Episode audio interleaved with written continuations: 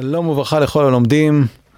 אנחנו uh, בשיעור שני משלים בנושא הזה של ההבחנה שבין התורה שבכתב לבין התורה שבעל פה. Uh, ראינו שהתורה ניתנה כפולה, תורה שבכתב ותורה שבעל פה. ראינו שיש איסור את התורה שבכתב uh, לומר בעל פה ואת התורה שבעל פה לכתוב בכתב. דברים שבכתב הייתה רשאי לומרם בעל פה, דברים שבעל פה הייתה רשאי לכותבן. אה, ואפילו הקדוש ברוך הוא כרת ברית אה, עם עם ישראל על הדבר הזה, כמו שאומר רבי יוחנן שם בגמרא.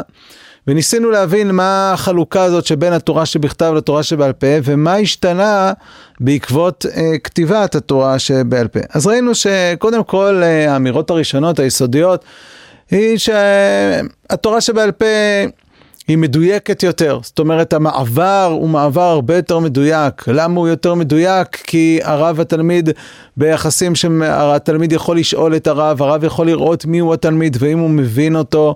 אה, דברים שבכתב, הרבה פעמים אה, עם כל מיני, כל מיני שינויים בטעויות דפוס וכולי, אה, מגיעים לכל מיני טעויות, ולפי הקו הזה, המטרה של התורה שבכתב זה לזיכרון, התורה שבכתב מטרתה אה, שנלמד ממנה, נשתמש בה כפלטפורמה לדרישת דרשות אה, הלכתיות חדשות.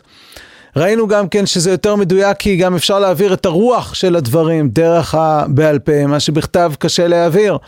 וגם את הרוח של המלמד, האדם נדבק ברוחו של המלמד.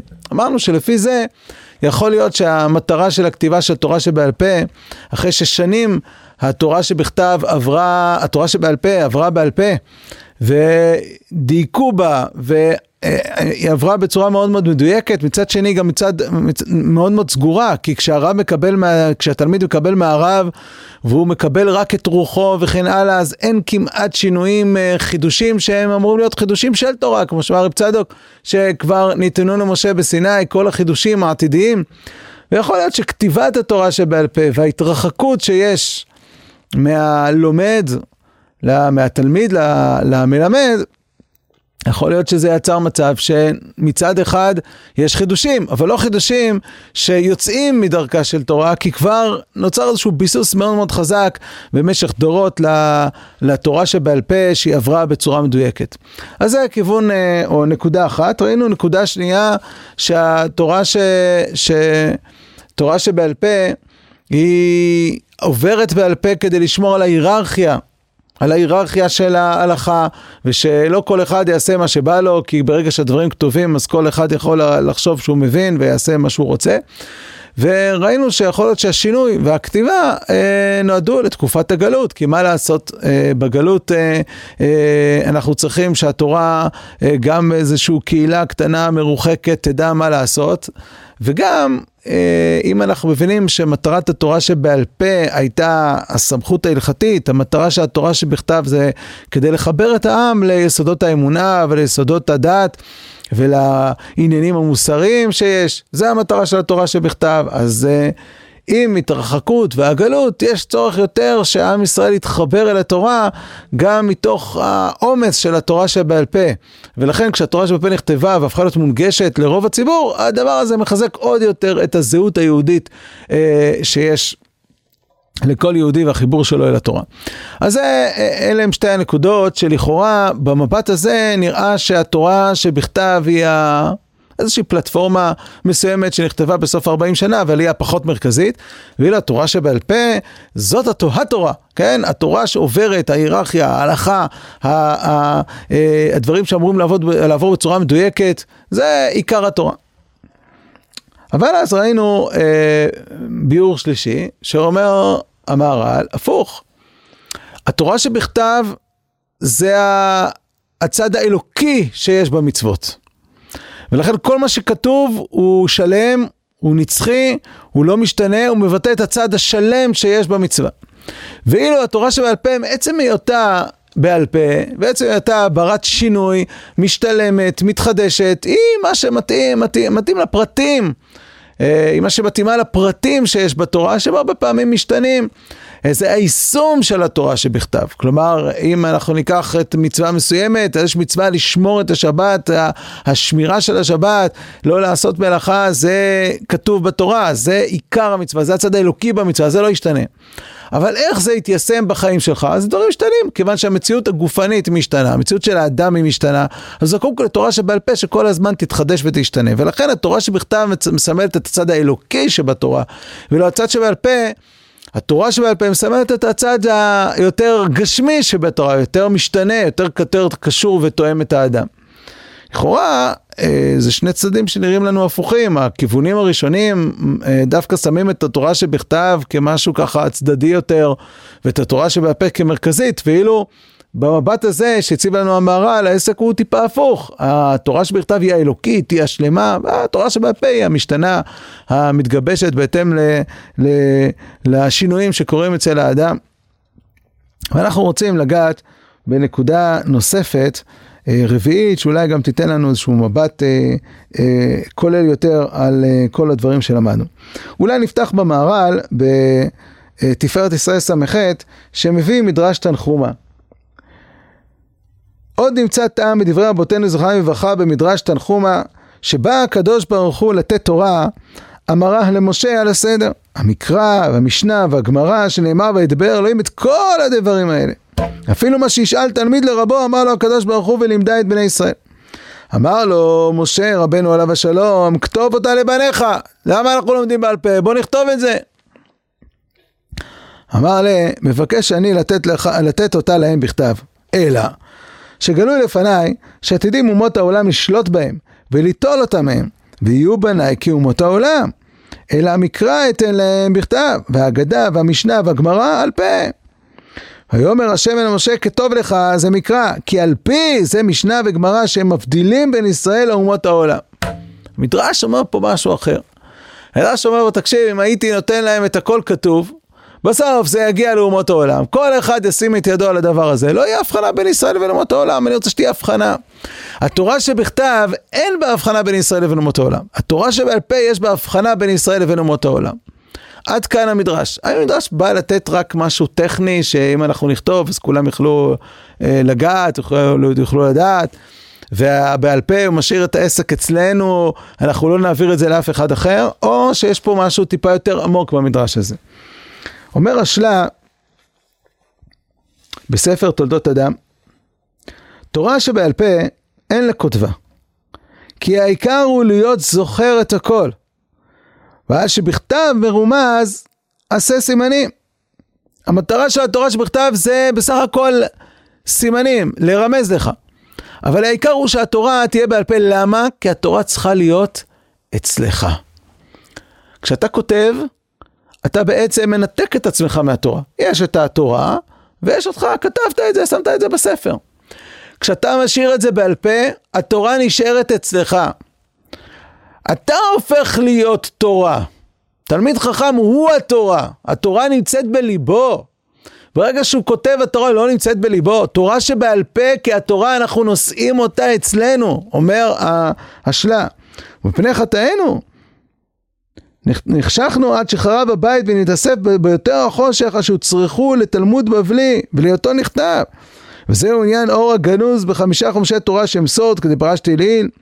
בעצם במילים אחרות אומר השלה שבעקבות היציאה לגלות אנחנו צריכים עוד יותר רמזים, אנחנו צריכים עוד יותר רמזים, אבל גם התורה שבעל פה שנכתבה, המשניות, ואחרי זה הגמרות, והראשונים והאחרונים, כל זה לא כדי שזה יחליף לך את זה שזה יישאר אצלך בעל פה. אנחנו רוצים בסוף שהתורה תהיה אצלך, תהיה מונחת על לוח לבך, שזה יהיה חלק מהותי מהאישיות שלך, זאת תורה.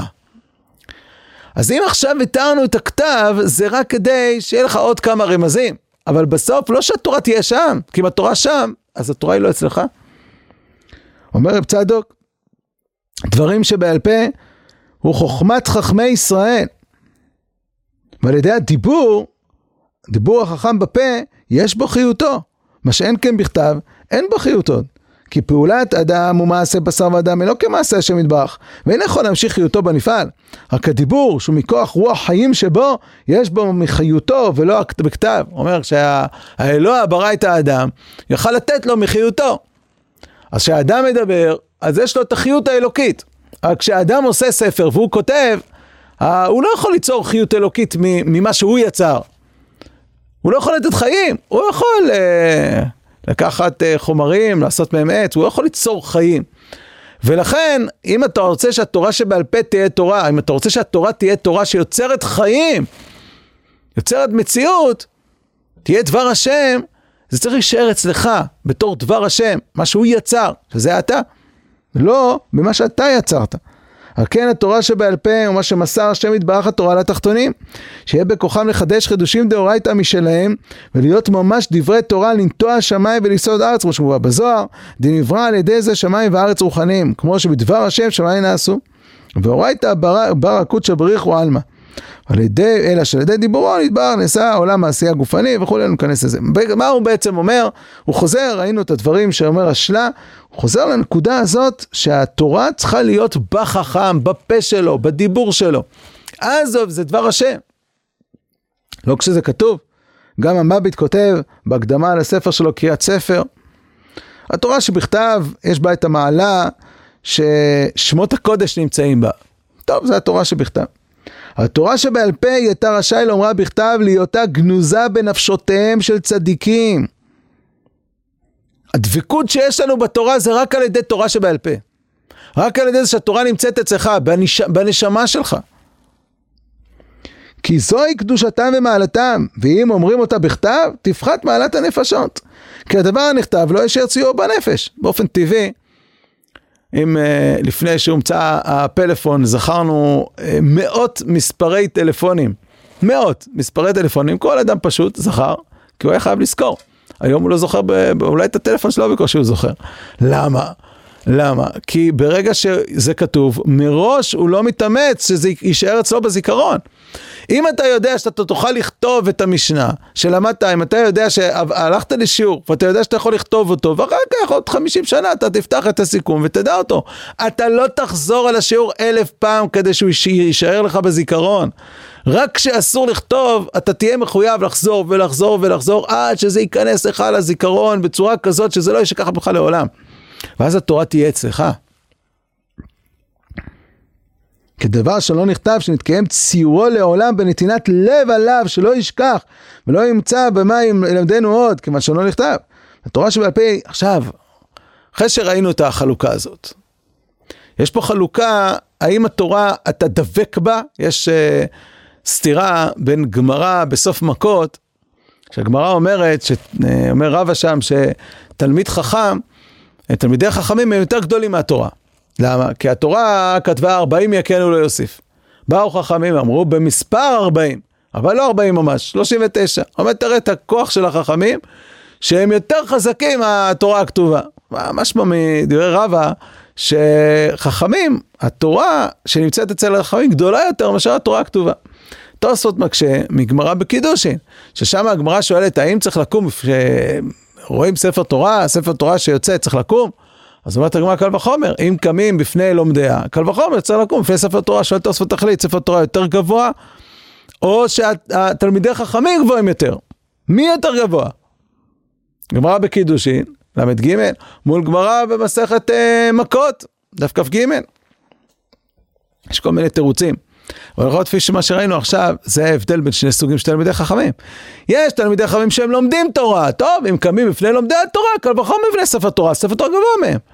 אבל יש תלמידי חכמים שהתורה כתובה בליבם, שהם נושאי התורה. הם, התורה הפה יצרה מצב שהם עצמם התורה. התורה כתובה על לוח ליבם. אז זאת מדרגה אחרת, הם דבוקים בתורה. והם למעלה, שאפילו יותר מהתורה שבכתב, התורה שבכתב. אומר המביט, לכן החילוק שיש בין ישראל לאומות העולם, זה לא בתורה שבכתב. זה לא זה שאתה יודע או שאתה יכול לקרוא, זה זה שהתורה מחוברת אליך. וזה שייך רק בתורה שבעל פה, שניתנת לישראל. התורה שבעל פה היא המבדלת בין ישראל לאומות, ועל פי הכרת ברית עם ישראל ולא עם האומות. שימו לב לחידוש. אנחנו חושבים, אנחנו חשבנו שהגמרא, כשהיא אומרת שעל פי הדברים האלה קראת השם ברית עם ישראל, על פי התורה, על, על התורה שבעל פה, חשבנו שהגמרא באה לצאת נגד הקראים, נגד הצדוקים, אה, הקדוש ברוך הוא קראת ברית על דברים שבעל פה, אל תחשבו שיש רק תורה שבכתב, יש גם תורה שבעל פה, לא. כריתת הברית עם ישראל, הכוונה לעומת אומות העולם. שהקדוש ברוך הוא כרת ברית עם ישראל, נוצר קשר מיוחד בין עם ישראל לבין הקדוש ברוך הוא, זה מכוח זה שיש להם תורה שבעל פה, לא תורה שבכתב. מכוח זה שיש התאמה בין הנפשות של עם ישראל לבין התורה.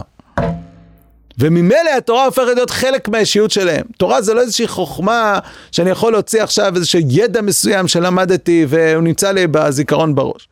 אלא התורה זה מהפך אישיותי, זה משהו שהאדם חי בתוכו. זה הלכה, איך שאדם מתנהג.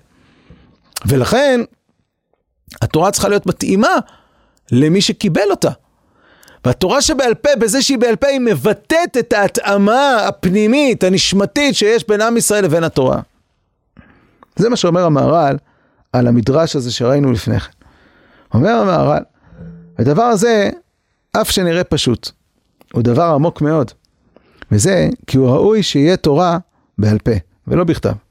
כי מאחר שהתורה היא מיוחדת לישראל, מתאימה לנו, כדכתיב תורה ציווה לנו משה מורשה קהילת יעקב פרק בא מיתות אומרת הגמרא בסנהדרין נוכרי שעסק בתורה חייב מיתה שנאמר תורה ציווה לנו משה מורשה תקריא מורשה אלא מאורסה והבעל נערה מאורסה בסקילה. מה העניין? נוכרי שלומד תורה חייב סקילה כי היא לא מתאימה לו. היא מתאימה לישראל. זה כמו הנערה מאורסה כמו שהיא מאורסת לאדם אחר עם ישראל והתורה זה יחסים של התאמה, יחסים של חיבור. דבר זה תבין ממה שהתבהר למעלה כי התורה הייתה מתייחסת, כלומר פונה, שייכת לישראל בפרט. לקח היא מאורסה לישראל דווקא ואינה שייכת לאחרים. ועל ידי תורה שבעל פה, שהיא בפה האדם, והתורה היא עמו לגמרי, ואינה על קלף כתובה, רק היא בפה האדם, הדיבור בעל פה, אפשר לראות את זה כאיזשהו מין, אה, אה, טוב, משהו טכני, כיוון שזה זה נמצא בפה, זה נמצא אצלי, אתה לא יכול לקחת ממני, זה לא כתוב. זה מעבר לזה, זה חיבור פנימי. ככה ראוי שתהיה תורה שבעל פה כתובה גם כן, שאם כן לא היה תורה, תורה חיבור לישראל בפרט, זה יכול להיות כמו כל אחת החוכמות, ידע כזה, בסדר, כותבים אותו, ואז ממילא זה, זה משהו שהוא קשור לכל האדם. זו הסיבה שאומרת הגמרא בקיטין שעל זה יש כריתת ברית. כי זה אומר שהדברים שבעל פה מסמלים את ההבחנה שבין ישראל לבין האומות. ואת הברית שיש לעם ישראל עם הקדוש ברוך הוא. וזה אומר בפרק הנזיקין, לא קראת הקדוש ברוך הוא ברית עם ישראל בשביל דברים שבעל פה, שנאמר, על פי הדברים האלה קראתי איתך ברית, וביאור זה כי התורה היא ברית בין הקדוש ברוך הוא ובין ישראל. כאשר ישראל יש להם תורה שהיא מאת השם, וגזרותיו אשר השם יתברך, אשר, אשר גזר השם יתברך על האדם. אז זהו בעצמו החיבור שבין הקדוש ובין ישראל המקבלים גזרותיו. החיבור זה שיש לישראל בתורה, אינו רק על ידי דברים שבעל פה. הוא הברית והחיבור של השם יתברך עם ישראל. והתורה שבעל פה היא עם האדם בפרט, והיא כתובה, שהיא אינה כתובה על קלף בפני עצמה, היא לא נפרדת מן האדם, היא עומדת באדם. שהתורה לגמרי מחובר להם. כן, אה, אנחנו רואים שהתורה שבעל פה מבטאת את החיבור את הדבקות של האדם בתורה, וממילא את ההבדלה שיש בין ישראל לבין האומות בקשר שלהם אל התורה, בהתאמה שלהם אל התורה. אם הגענו לכאן, אז עכשיו יכול להיות שאנחנו צריכים להבין את ה... מצד אחד ראינו בשבוע שעבר שהייתה בחינה שאומרת שעיקר התורה זה התורה שבעל פה.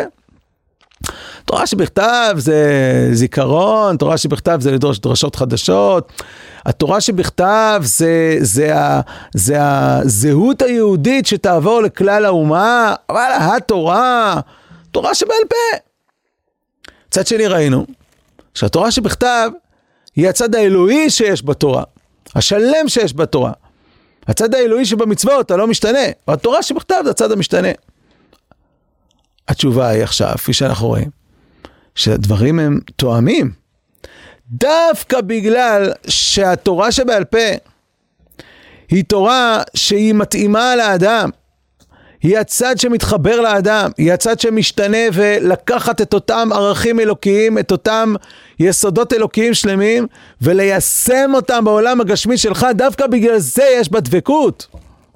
ודווקא בגלל זה יש בה התאמה לישראל, שהם יודעים ליישם את התורה הכתובה. לעומת זאת, התורה שבכתב כשלעצמה היא אלוקית. אז היא מצד אחד אלוקית, היא שלמה, אבל מצד שני, כיוון שהיא לא מחוברת אל המציאות הגשמית, אז גם אומות העולם יכולים לגעת בה. בגלל שהיא אלוקית. בגלל שזה מין חוכמה ללא יישום, אה, לא משנה איך מיישמים אותה, איך אתה לוקח את אותה חוכמה, את, אותו, את אותה אמירה ששבת צריך לשבות, זה לא צריך להיות מיושם. אז כיוון שלא צריך להיות מיושם, אז גם אומות העולם יכולים לגעת בזה, זה יכול להיות כתוב, זה מנותק מן האדם.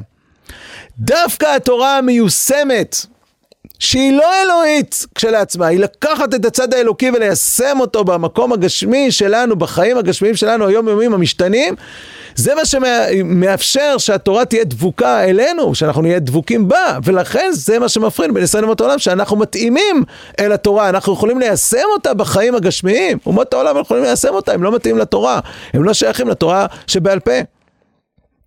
אם כן, דווקא הצד הגשמי כביכול שיש בתורה שבעל פה, זה מה שמאפשר את הדבקות שלנו בה, ולכן היא הכי מרכזית, לנו, בזווית ראייה שלנו כמובן, לא בזווית האלוקית.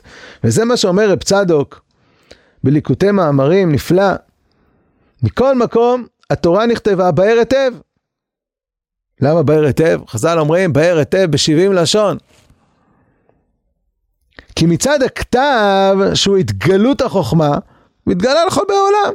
ויש חוכמה באומות העולם להשיג גם כן הכרת השם יתברך, כמו שהשיגו כל פילוסופי יוון, והערב הקדמונים, חוכמתם גם כן. רק מכל מקום לא נשתנה על ידי זה ליבם. חוכמה! הוא יכול לשבת ולהסביר מה כתוב. אבל האם הוא ידע ליישם את זה? האם הוא ידע לקחת את זה ולהנכיח את האלוקות בחיים הגשמיים שלו, היומיומיים שלו? זה הוא לא יכול. זה תורה שבעל פה. לא נשתנה על ידי זה ליבם, בקוצו של יוד. ולא היה הקדוש ברוך הוא דר בלבבם כלל, רק בליבות בני ישראל שלהם נמסר התורה שבעל פה, פירוש התגלות הבינה שבלב על ידי הדיבור. לכך דברים שבעל פה אי אתה רשאי לאומרם בכתב, כי עיקר דברים שבעל פה בדיבור, ועל ידו מתגלה מה שבלב. תורה שבכתב, באר היטב תכתוב בשבעים לשון, אין בעיה. זה חוכמות. זה האלוקות, אבל זה לא היישום. זה גם אומות העולם. לכן התורה שבעל פה, נקודת ההבחנה בין ישראל לאומות העולם. לכן התורה שבעל פה זה הצד שאנחנו יכולים להידבק בתורה, דווקא על ידי זה שאנחנו יכולים ליישם אותה. השלכה שיש לזה זה דברי השלה, שאמר לנו שגם אחרי שכתבנו, אנחנו צריכים להיזהר שלא לא נתנתק, לא נשאיר את זה בכתב. אז אין לנו איזה מין חוכמה כזאת, כן, כתוב לי איזה סיכום. לא, אתה צריך להגיע למצב שהתורה הופכת להיות לך בעל פה, וכל ההיתר לכתוב הוא בסך הכל כדי לעזור לך לזכור בעל פה. כדי לעזור לך בסוף, לא רק לזכור כזיכרון, אלא בסוף שהדברים יהיו מופנמים, שהתורה תהיה חלק ממך, חלק מהווי החיים שלך. יכול להיות שהדברים שראינו אולי רמוזים בברכת התורה, אם ראינו בעצם שעיקר התורה מבחינתנו, התורה שבעל פה. ובאופן אמיתי צריך לזכור שמשה רבנו כשהוא נתן תורה לישראל ב-40 שנה במדבר, עיקרה זה התורה שבעל פה. יודעת אה, אה, אה, רבי יוחנן, התורה נכתבה בשנת ה-40 בכלל. כלומר, אנחנו 40 שנה לומדים תורה ממשנו, הכל, ממשה רבנו, הכל זה בבעל פה, מתוך כל הבעל פה נכתב איזה משהו קטן בשנת 40, שהוא התורה הכתובה. ובעצם התורה, זה התורה שבעל פה, זה המעבר של התורה. אז אנחנו מברכים ברכת התורה, מה אנחנו מברכים? אז קודם כל אנחנו אומרים ברוך אתה השם אלוקינו מלך עולם אשר קידישנו במצוותיו וציוונו על דברי תורה, או לעסוק בדברי תורה, כל אחד בנוסח שלו, אבל אנחנו מברכים על הדברי התורה, על הדיבור, על התורה שבעל פה. כלומר הציווי קודם כל מהו? הציווי הוא להעביר את התורה באופן הראוי, כמו שראינו, בצורה מדוקדקת, מהרב אל התלמיד, ושהרוח של הדברים תעבור, ושהרוח של המלמד תעבור. ושהדברים ייכנסו בליבו של, המלמד, של הלומד, ושתהיה היררכיה, כל הדברים שראינו, ושאנחנו נדע ליישם את התורה הכתובה. אז אנחנו מצווים על דברי תורה, על התורה שבעל פה. ואז אנחנו גם אומרים שרק בתורה שבעל פה יש דבקות. והערב נא השם אלוקינו את דברי תורתך בפינו ובפיות עמך בית ישראל. אנחנו וצאצאינו וצאצאי צאצאינו כולם יודעי שמך. לדעת את שמך, לא שזה יהיה כתוב באיזשהו מקום, שנדע לקרוא. אנחנו מבקשים שאנחנו, יערב לנו את דברי תורתך בפינו. שהתורה שבעל פה תתחבר אלינו, וכשהיא תתחבר אלינו, זה יעבור הלאה, צאצאים, צאצאי צאצאים, דורות, כי אתה מחובר, אתה חי את זה, זה לא איזה חוכמה שאתה יושב ולומד אותה. ולכן, ברוך אתה השם המלמד תורה לעמו ישראל, התורה היא הדבקות של העם ישראל בקדוש ברוך הוא. ממילא, היא גם מבטאת את התורה שבעל פה, את ההבחנה שלנו, ש, ש, של, שבין עם ישראל לבין האומות. ולכן מגיעה הברכה השלישית, שרב פאפה לוקח את כל שלושת הזוויות ומחבר אותם ביחד, איקח נימרו לכולו, תגיד גם את הברכה הזאת, גם את הברכה הזאת, גם את הברכה הזאת, הכל פה על התורה שבעל פה. ברוך אתה השם אלוקינו ולכל אשר בחר בנו מכל העמים. הוא נתן לנו את תורתו, כהתאמה של עם ישראל אל התורה, והיא מתבטאת רק בתורה שבעל פה, כי אנחנו אלה שיכולים ליישם, לא בתורה כתובה, כולם יכולים לקרוא ב-70 לשון, בער היטב. זה התורה הכתובה. והברכה הנוספת שאנחנו אומרים בסיום הקריאה של התורה, קראנו תורה שבכתב.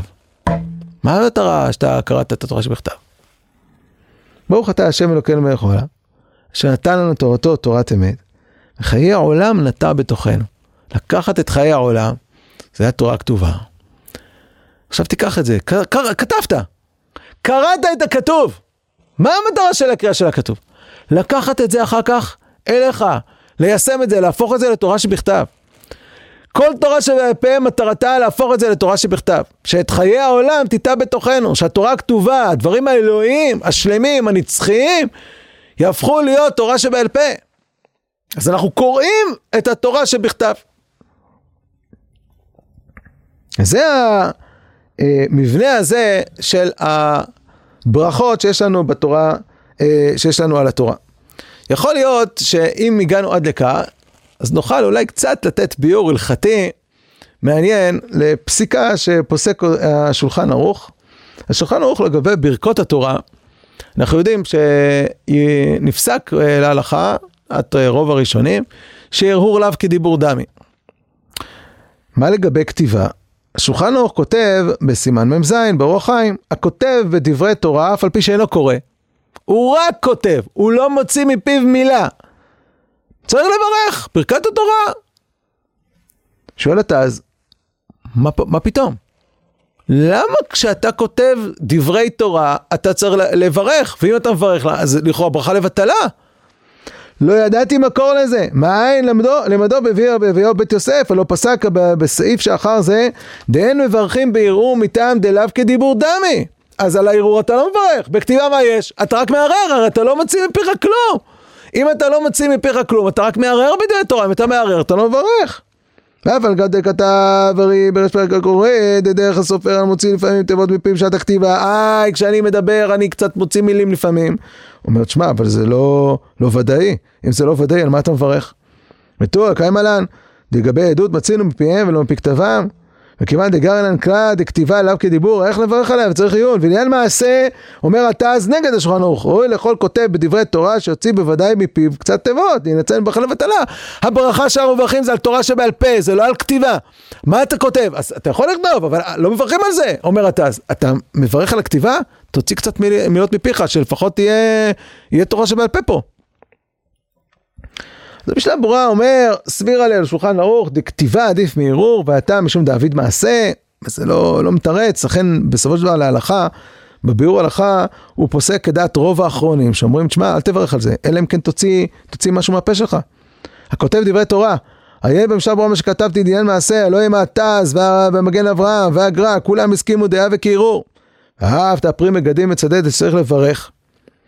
זה בגלל, הוא לשיטתו, הוא בסימן ס"ב סובר לדין השיעור כדיבור דמי מדאורייתא, דלא כפרי חדש וכולי, אבל לפי מה שפסקנו כבר בסימן ס"ב, שכל הראשונים והאחרונים סוברים, כמעט, כמובן, דיור לאו כדיבור דמי מדאורייתא, אז הדין עם מטס ומגן אברהם. הפרי מגדים שפסק כשיטת השולחן ערוך, שכן מברכים, זה בגלל שסובר שיעור כדיבור דמי, אז זה נגד כל הראשונים. אבל, לכאורה הפרי מגדים כותב משהו אחר. הפועל מגדים כותב כך, והנה במקום שמותר להרהר, כמו בית אמצעי של מרחץ, יש, יש uh, ש, שלוש בחינות בבית המרחץ, יש את ה... את האזור החיצוני ששם כולם לבושים, אפשר לדבר בדברי תורה, יש את האזור ביניים ששם חלק לבושים, חלק לא, ששם מותר להרהר ואסור לדבר, ויש את המקום המטונף ששם אפילו הרהור אה, אסור. אז הוא אומר, במקום האמצעי ששם מותר להרהר, או במקום שאין נקי לגמרי, צריך עיון ומותר לכתוב שם דברי תורה, ויש לומר, דכותב אבה כלומד ממש, או יש לחלק והבן. עכשיו, הוא לא אומר שזה בגלל שהרהור כדיבור. הוא אומר, כותב זה כמו לומד. למה?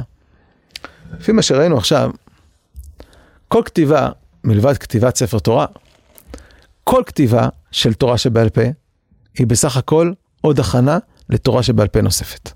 זה כדי שאנחנו נוכל להפנים את מה שאנחנו אה, אומרים בדברי התורה, כדי שאנחנו נוכל לזכור, אבל בסוף, בסוף, בסוף, המטרה של התורה שבכתב, שאנחנו כותבים את התורה שבעל פה שלנו, זה כדי שנוכל לעשות עוד תורה שבעל פה.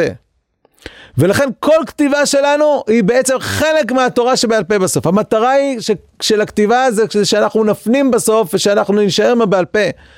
זה המטרה של הכתיבה. ולכן יכול להיות שמהצד הזה, כשאתה כותב דברי תורה, יש בזה צד של תורה שבעל פה.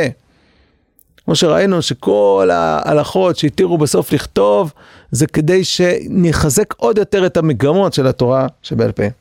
טוב, אז ראינו הבחנה, הבחנות גדולות ורבות בין התורה שבכתב לתורה שבעל פה. ראינו את ההבחנה האחרונה שראינו היום, ש, שמטרתה לדבק, אה, אה, שהתורה שבעל פה מטרתה לדבק בנו את התורה, שנהפוך להיות אנשי תורה, וראינו שהדבר הזה מחבר אותנו לכל שאר הדברים שראינו בשיעור הקודם.